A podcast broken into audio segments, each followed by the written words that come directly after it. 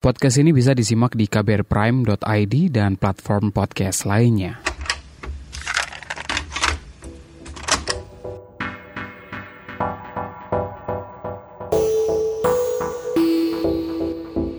Beberapa waktu yang lalu Netflix merilis Senseiya, anime yang pernah tayang di salah satu TV swasta bertahun-tahun yang lalu tentunya ya. Salah satu tokoh atau karakter yang bikin saya waktu kecil bertanya-tanya adalah Andromeda Sun, karakter Saint yang mungkin bisa dibilang digambarkan sebagai karakter yang fragile, agak rapuh gitu ya, tapi paling sensibel dan baju perang atau armornya warnanya merah muda. Karakternya feminim, tapi kok pengisi suaranya laki-laki kalau nggak salah sih waktu itu. Tapi memang karakternya laki-laki gitu ya. Waktu itu saya bertanya-tanya ini sebenarnya karakter laki-laki atau perempuan? Yang kemudian saya ketahui tampilan semacam Andromeda Sun dalam Sensei ya ini disebutnya androgyny karakter androgyny atau tampilan androgyny dalam sebuah tulisan yang dimuat di The Journal of Popular Culture, Lorna Pianti Vernel, ini seorang direktur di Popular Culture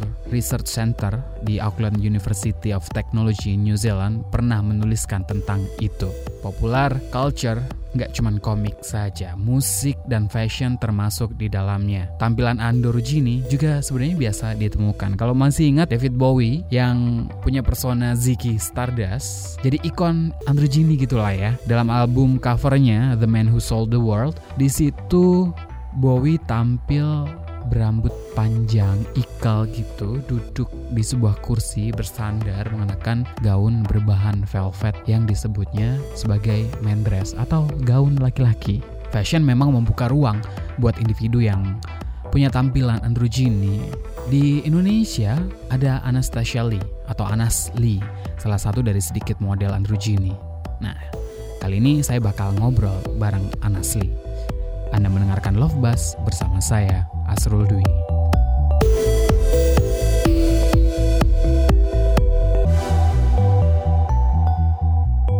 Love Buzz membicarakan perkara yang tidak dibicarakan ketika berbicara perkara cinta.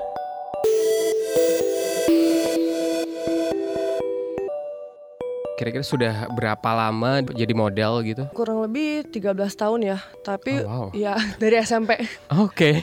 Tapi untuk professionally working as a professional model itu mungkin Sebelumnya freelance saja gitu. ya freelance. Oh, enggak, aku tuh freelance lama banget. Aku tuh di agensi baru kurang lebih empat tahun. Tapi kan aku tumbuh besar di Bandung, kuliah pindah ke Jakarta. Nah dari Jakarta baru aku mulai modeling serius. Awalnya ada yang nemuin atau memang tertarik untuk nyoba gitu? Nggak awalnya jadi menurut keluarga saya itu saya terlalu laki-laki ya kan? Jadi kayaknya harus dimasukin sekolah model deh biar lebih perempuan bla bla bla bla. Masuklah sekolah model di Bandung dulu. Terus ya udah belajar modeling. Awalnya sih hari pertama pulang nangis. Kejer banget sama mami sama papi. Nggak nggak mau balik lagi. Pertama kali biasa anak basket suruh pakai high heels pakai rok mini. Ngamuk dong langsung. Terus tapi turns out to be menurut pengajarnya sepertinya kamu berpotensi. Terus sama dia langsung dicoba untuk show-show dulu di Bandung. Aku ingat banget pertama kali aku show itu show baju muslim. Dan ternyata orang-orang suka ya. Jadi akhirnya lama-lama ditekunin karena kan mendatangkan uang ya.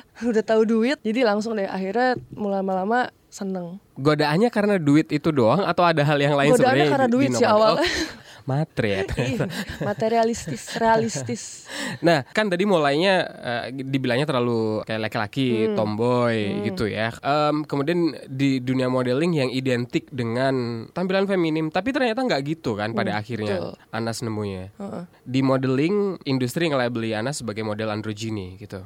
Ngerasa androgyny kah atau gimana? Hmm, ditanya ngerasa androgini atau enggak, mungkin kurang lebih jadinya iya ya, karena industri yang buat seperti itu. Tapi kalau misalkan secara pribadi sih sebetulnya enggak sih. I'm just being me, just the way I am. Jadi ya senyamannya memang kayak gini dan orang ternyata labelin androgini. Pada akhirnya juga ngerasa nyamankah gitu kan dikotakan ke dalam sana gitu kan. Nyaman-nyaman aja sih sebetulnya karena nggak berpengaruh dalam hal apa pun sebetulnya karena itu hanya sebatas label di industri ini ya kalau misalkan orang awam mungkin sebutnya tomboy aja gitu Mhm. ceweknya cewek tapi suka pakai celana aja gitu kan Mhm. cuman karena ini di industri modeling di industri fashion di entertain mereka punya label yang seolah-olah keren gitu androgyny gitu padahal mah judulnya tomboy-tomboy aja Atau sebaliknya kan, androgyny kan berlaku juga untuk pria Iya. yang dibilang bisa atau Ke bisa jalan ke eh, baju wanita. Heeh. gitu kan ya. iya Ngartiinnya gimana sih kalau mungkin di dalam dunia fashion gitu? Artinya androgyny itu apa sebenarnya? Artinya sebetulnya cuman se- si model ini itu bisa dipakein baju laki-laki, bisa dipakein baju perempuan. Yang sebetulnya kalau menurut aku secara pribadi sekarang baju laki-laki dan baju perempuan itu agak bias ya, karena kan orang sekarang pakai bajunya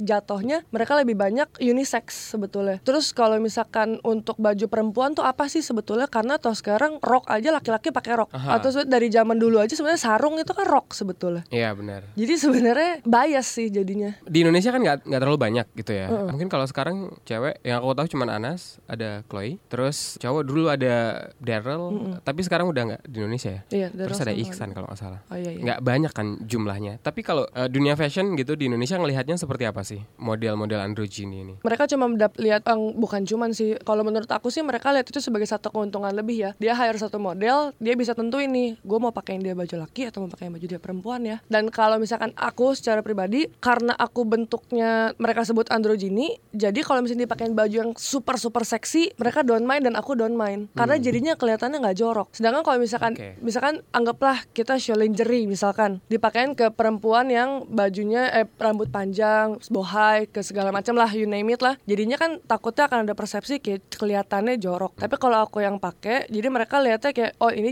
jatuhnya jadinya edgy bukan ke jorok Berarti klien biasanya hire memang tergantung dengan kayak konsep dan pertimbangan market juga buat mereka atau gimana sih? untuk klien sendiri aku sih kurang tahu pertimbangannya apa tapi yang pasti kalau misalkan mereka hire aku berarti mereka memang punya baju khusus untuk aku Oh wow, jadi mereka memang udah siapin oke Anas cocoknya pakai yang ini gitu atau misalkan udah nggak ada casting lagi dong buat Anas. Oh casting tetap tetap casting. Eh cuman untuk beberapa desainer tertentu memang kita nggak perlu casting. Tapi sebetulnya casting itu formalitas sih ya. Nggak kayak kalau di luar negeri kan ngantrinya itu- sepanjang apa iya, gitu. ya. Kalau di sini sih kayaknya ya formalitas nggak formalitas tapi formalitas sih. Tapi ada untungnya nggak sih jadi model androgyny kan jumlahnya nggak banyak atau justru banyak eh, ruginya atau gimana negatif positifnya? gitu. Negatif. Negatifnya mungkin negatif sama positifnya itu berarti di satu tempat yang sama. Jadi lebih mudah dapat kerjaan atau jadi lebih sulit dapat kerjaan. Jadi sama aja sebetulnya. Kalau misalkan di satu fashion week yang anggaplah misalkan kayak boleh sebut brand nggak sih? Boleh boleh. kayak IFW gitu kan maksudnya kayak baju-bajunya bener-bener dari seluruh Indonesia kan. Eh, dari luar negeri juga ada. Bajunya lebih ke cultural gitu kan. Nah untuk model androgyny itu untuk masuk agak lebih susah karena kan kurang cocok ya kelihatannya. Misalkan kayak pakai dress-dress yang kayak gaun-gaun pesta yang lebih lebih etnik gitu untuk dimasukin ke model androgyny. Jadinya kayak kelihatannya kayak ngeh gitu. Kalau misalkan baju-baju ready to wear gitu kan baju-baju brand high end brand gitu kan mereka lebih gampang ya untuk kelihatannya total looknya jatuhnya lebih internasionalnya lebih pas gitu karena kan kalau misalkan kita lihat campaign-campaign brand-brand luar kan mereka juga model-model dengan rambut pendek androgyny itu banyak banget kan jadi bisa lebih disesuaikan lah di sini Dan sempet jadi tren juga kan. ya mungkin sih bisa Anyway jadi. muncul satu orang kayak dulu Andrea Page gitu kan muncul atau Erika Linder zaman dulu atau Grace Jones gitu kan. Itu kan grafiknya kan nggak selalu di atas gitu. Kalau di Indonesia kayak gitu juga nggak sih? Iya mungkin kurang lebih sama sih ya ada grafiknya naik turunnya tapi ya sama-sama kita ikutin pasar aja dan ikutin. Sekarang nih tren fashionnya lagi mengarahnya ke mana? Makanya that's why sekarang rambut aku nggak terlalu pendek kan? Karena itu permintaan pasar. Kalau misalkan terlalu pendek tuh mm, mereka lihatnya kayaknya terlalu maco banget gitu. Jadi di tone down sedikit panjangin sedikit rambutnya. Walaupun sebenarnya ya sama aja sih bentuknya. Cuman karena kan kalau kalau misalkan kayak aku gini kan kalau misalkan show rambutnya otomatis di slick atau curly curly kayak wavy hair biasa kan. Nah kalau misalkan di slick sampingnya undercut mereka kan lihatnya kayaknya wah laki banget. Karena kan botak gitu kalau misalkan ini kan slicknya rapi lah hitungannya jatuhnya mungkin lebih ke ya pixie-pixie aja gitu Pilihan jadi model gitu ya, mengizinkan Anas untuk mengekspresikan diri nggak sih? Industri mengizinkan Anas untuk mengekspresikan diri nggak sesuai dengan apa yang Anas pengen. Tadi kan dibilangnya rambut nggak boleh terlalu pendek gitu-gitu Oh, kan. Yes and no sih, tetap bebas mengekspresikan, tapi tetap harus ada batasan-batasannya yang boleh dan gak boleh. Itu tuh ngobrol sama manajemen dulu sebelum Iya. motong rambut. Boleh gitu. potong rambut gak kak? betul betul. Tetap harus ada approval dari Pak Bos. Oh gitu ya. Agak repot sebenarnya.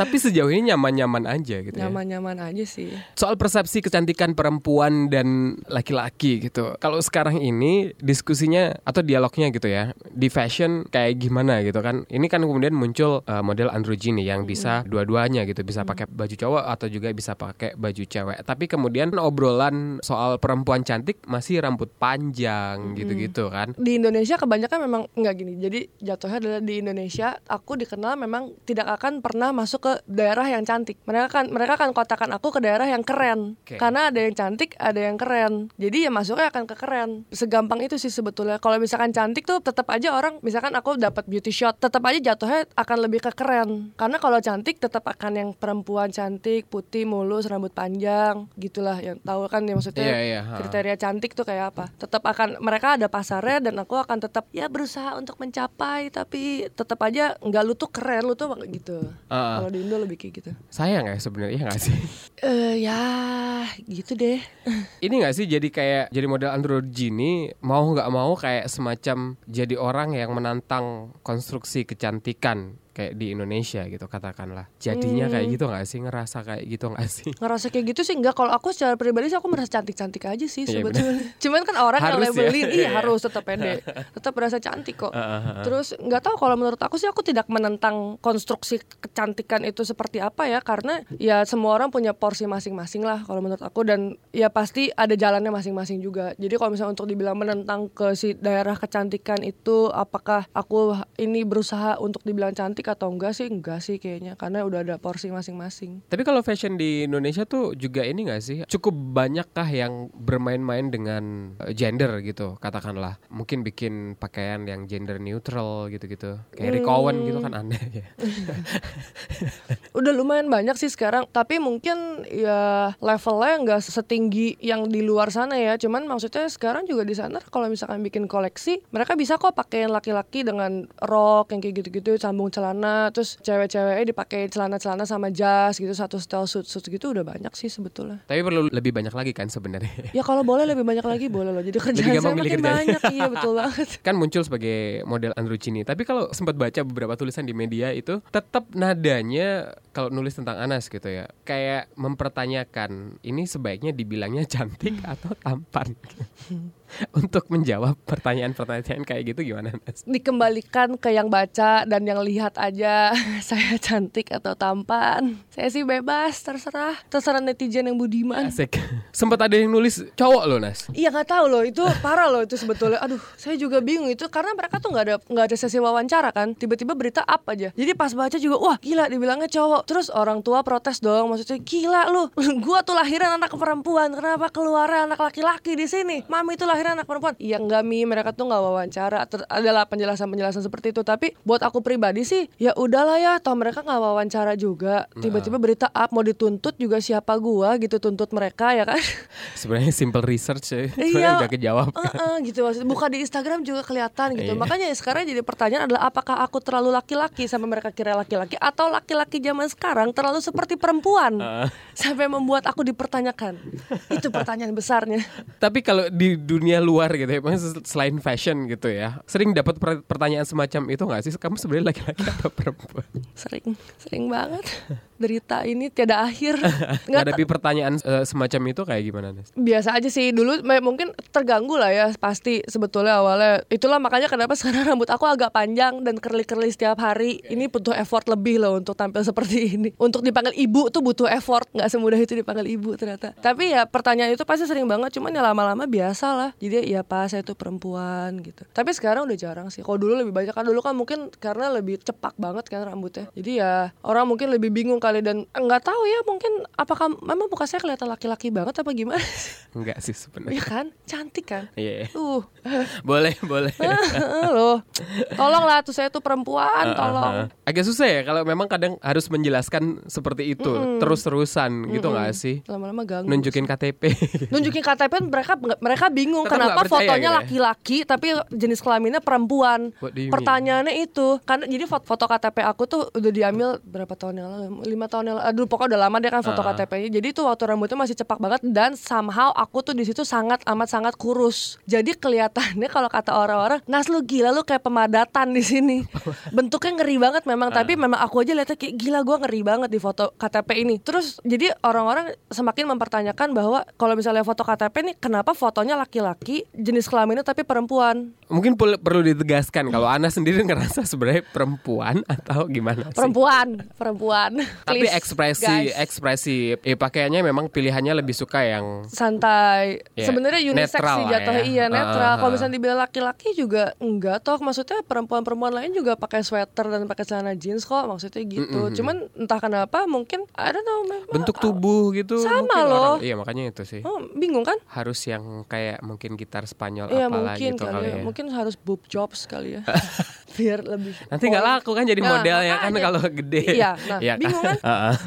Agak membingungkan lah memang norma-norma ini. jadi model kan kadang juga harus kayak semacam harus kelihatan beda dalam artian mungkin kalau style dan sebagainya gitu ya. Hmm. Itu lebih jadi kayak ngebebasin juga nggak sih dalam artian untuk mengekspresikan style sendiri gitu, pakai apalah terserah gua gitu. Kalau misalkan stylenya off duty, misalkan kayak lagi Eh, model of duty asik. Ya, model of duty ya kan lagi GR atau apa itu pasti dibebasin lah mau kayak apa. Cuman kalau misalkan on stage kita udah di atas panggung, udah siap untuk keluar, kita harus tahu batasannya seperti apa. Desainer mau kita jadi seperti apa. Apakah ini bajunya feminin, apakah ini bajunya maskulin, apakah minta bajunya ya terserah lu deh maunya apa gitu. Kan mereka kan kalau misalnya kita show tiap desainer punya mood board masing-masing kan untuk mereka punya koleksi kayak apa ya. Kita harus tetap harus ikutin itu. Jadi nggak bisa, gue maunya lu feminin ya tapi jalannya maco gitu tiba-tiba nggak bisa. Karena itu training dulu dulu ya untuk jalan jalan feminin, jalan maskulin. Ya ada bedanya. Oke. On off ada switchnya. On off, Oh, wow. on off yang mana yang mau di on. mesin ya, mau- otomatis. Mau dipilih nih mau yang mana. Tapi ngadepin penolakan kan udah lama gitu, Hmm. udah terbiasa nggak sih? Atau masih kadang-kadang tuh ada keselnya juga? Masih lah. Namanya manusia ya kalau misalnya ditolak pasti tetap aja jatuhnya kesel-kesel juga. Tapi ya so far sih sejauh ini sudah mulai ada penerimaan yang lebih baik ya. Jadi penolakannya mulai sedikit-sedikit berkurang. Tapi kalau misalnya sekali ditolak tetap aja bete. Tapi cukup diverse gak sih kalau sekarang? Kan tadi model androgyny dikit gitu yang Hmm. cewek dan ataupun cowok gitu. Sementara kalau di dunia luar sana kan kan sekarang sudah mulai inklusif berbagai macam bentuk tubuh, ras eh, gitu.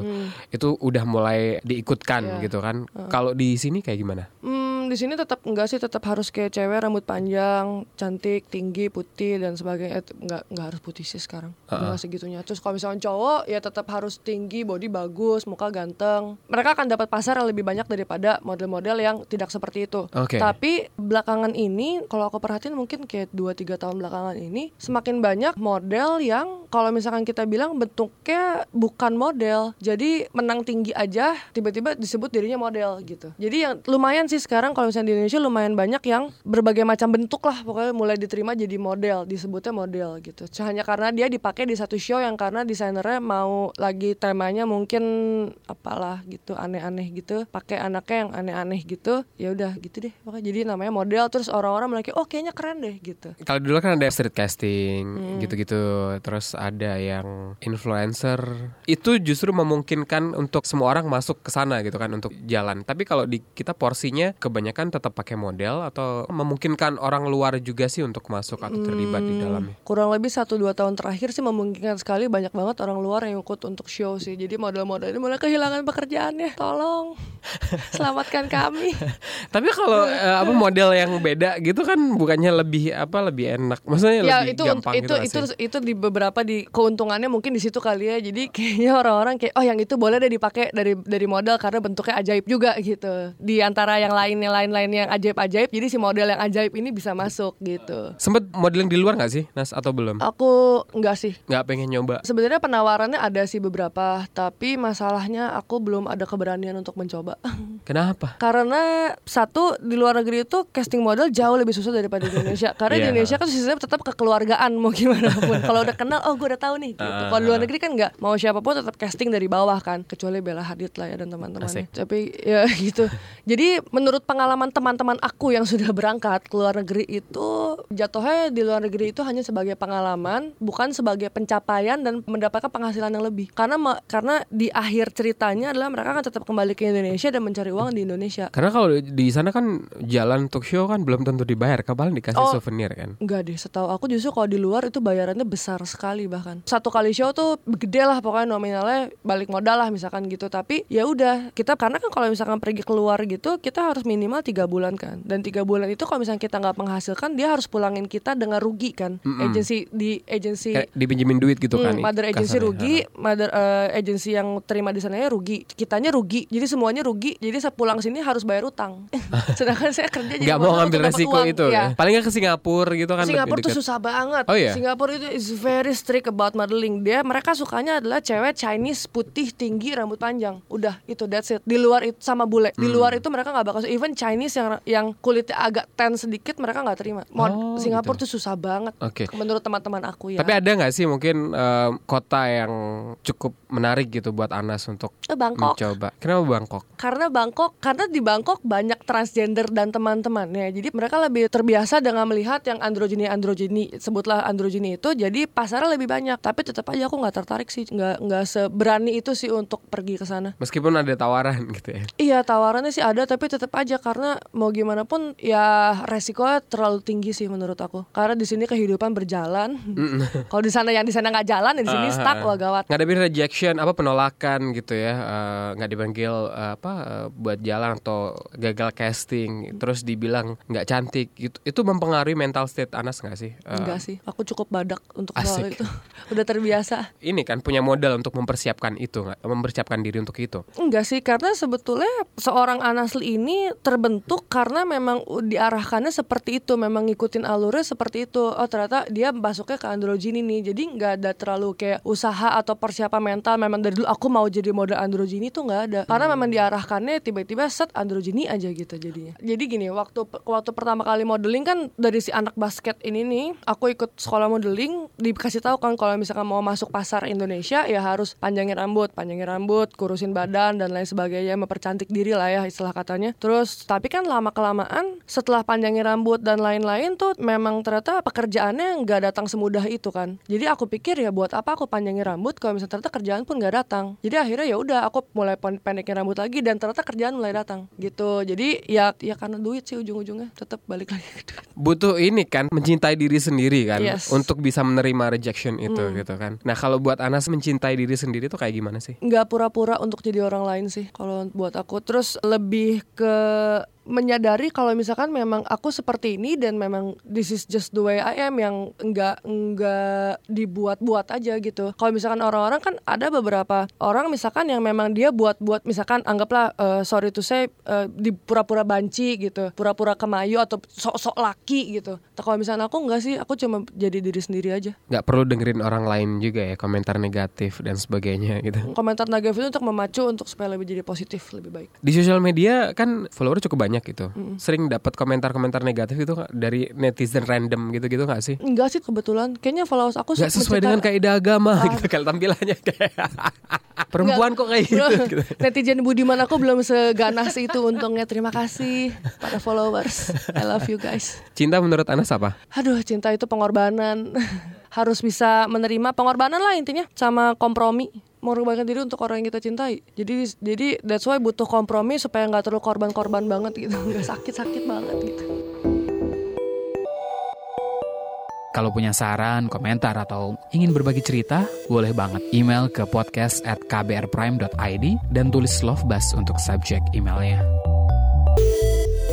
Yang demen nonton Game of Thrones seperti saya gitu, tahu tokoh atau karakter Brienne of Tarth yang diperankan Gwendolyn Christie. Menurut saya itu karakter atau tokoh yang androgyny banget gitu. Nah, dia ini juga pernah jalan untuk runway-nya atau koleksinya Vivian Westwood untuk koleksi Autumn Winter 2015. Yang dalam show note-nya, Vivian Westwood menuliskan kayak gini. Trousers for women, yes. Dresses for men, the same dress that women wear, do that. Ya, lebih kurang asal anda nyaman pakai apa pun, ya silahkan saja gitu. Gak ada yang larang.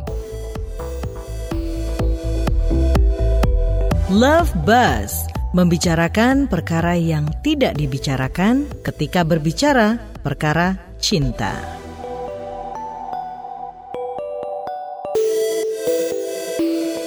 Kunjungi kbrprime.id untuk menyimak beragam podcast lainnya dari KBR.